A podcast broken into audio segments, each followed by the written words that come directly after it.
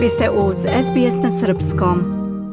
Slušate SBS na Srpskom. Ja sam Biljana Ristić. Ostanite sa nama do 16 časova. Prelazimo na temu iz Srbije gde su prosvetni radnici najavili štrajk za 16. oktobar i skraćenje časova do ispunjenja njihovih zahtjeva, ali su posle sastanka u vladi Srbije odlučili da potpišu ponuđeni protokol i otkažu proteste. Na liniji imamo Miju Nikolić. Mija, dobar dan. Recite nam prvo koje su zahteve postavili prosvetni radnici prvobitno. E, četiri reprezentativna prosvetna sindikata su 26. septembra vladi Srbije predali svoje zahteve, najavili skraćenje časova na 30 minuta do njihovog ispunjenja i štrajk za 16. oktobar. Sindikalci su zatražili da se zarada zaposlenih u obrazovanju izjednači sa prosečnom zaradom u Srbiji i izradi strategija za povećanje u narednom periodu. Zatražili su i da se odmah poveća dodatak odeljinskim starešinama, da se smanji obim pedagoške administracije u školama. 28. septembra prosvetari Beograda su izašli na ulicu, najavili početak bune, istakli da je njihova zarada pala na 0,88% od prosečne i poručili da je poraz što se u školama povećava broj policajaca umesto stručnih saradnika šta im je ponuđeno od strane vlasti?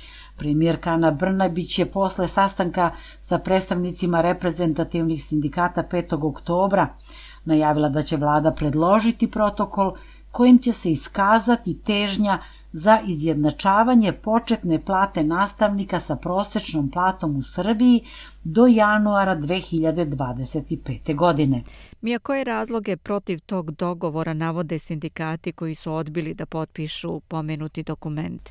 Na tom sastanku sindikalci su ukazali da su zarade u obrazovanju za godinu dana od maja 2022. do maja 2023. uz sve priče da nominalno rastu, zapravo realno pale za 2,9%, zatražili su vanredno povećanje u prvih šest meseci naredne godine i zahtevali unapređenje pedagoške administracije koja je sada preobimna i zastarela. Predstavnici Ministarstva prosvete su se složili da nema potrebe da se udvostručuje pedagoška dokumentacija, to je da se ona vodi i u pisanom i u elektronskom obliku. Na narednom sastanku 10. oktobra četiri sindikata su prihvatila predlog e, vlade i ponuđeni protokol kojim se definišu određene obaveze države prema zaposlenima u obrazovanju. A šta podrazumeva taj dokument? Taj dokument, potpisan 12. oktobra, uključuje rast plata u prosveti za 10% od januara 24. uvećanje koeficijenta za obračun zarada razrednim starešinama sa 4 na 7%, ali i povećanje koeficijanata za kurire, čuvare, domare, administrativne, finansijsko-knjigovostvene radnike, kao i za pedagoške savetnike samostalne više i visoke. Vlada se obavezala da u oktobru ove godine usvoji zaključak za prijem u radni odnos na neodređeno vreme za radna mesta sa 30 i više osto norme, a koja su upražnjena zaključno sa 31. decembrom 2020. godine. Vlada će, navodi se u protokolu, pratiti dogovore Ministarstva prosvete i reprezentativnih sindikata i definisati izmene u cilju smanjenja administrativnih obaveza nastavnika do marta 2024. godine.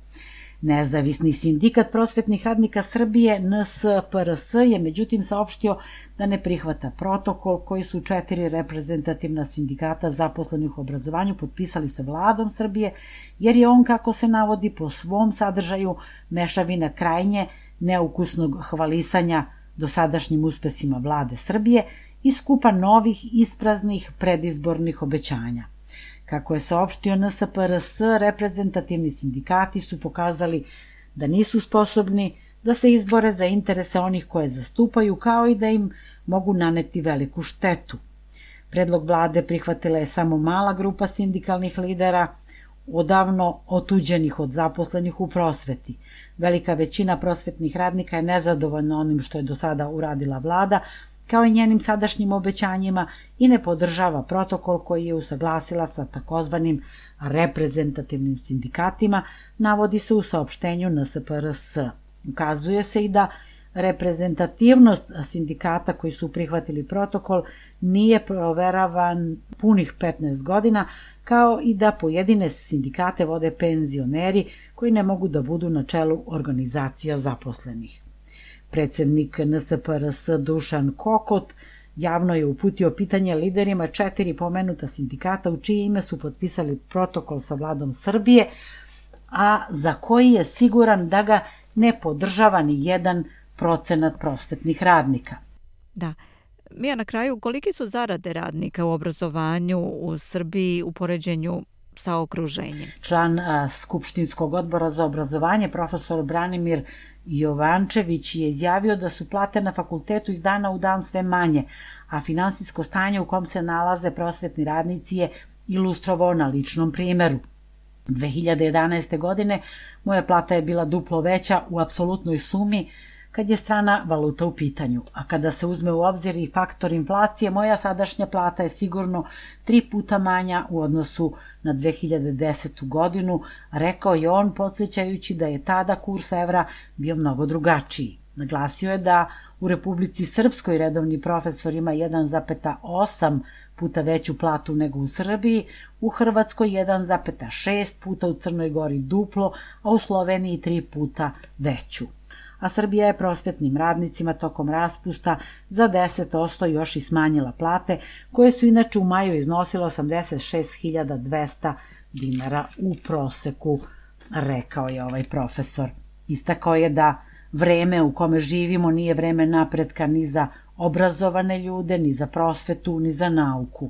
Od 14.000 naučnika u Srbiji samo 1000 njih je projektno finansirano, kazao je i dodao da se sindikati potpisom na protokolu aktivno uključuju u predizbornu kampanju SNS-a i SPS-a.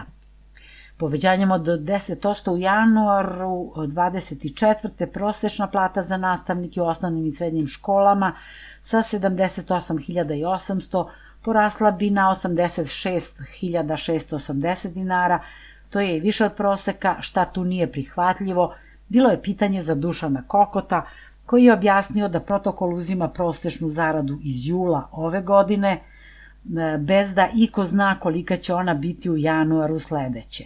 Dodao je i da će fizičko-administrativni radnici u prosveti podizanjem koeficijenata dobiti povećanje od 2000 dinara, a da su godinama nezakonito radili za ispod minimalne zarade. Biljana? I toliko za danas. Hvala. Bila je to naša saradnica iz Srbije, Mija Nikolić. Ostanite sa nama, ja sam Biljana Ristić. Želite da čujete još priča poput ove? Slušajte nas na Apple Podcast, Google Podcast, Spotify ili odakle god slušate podcast.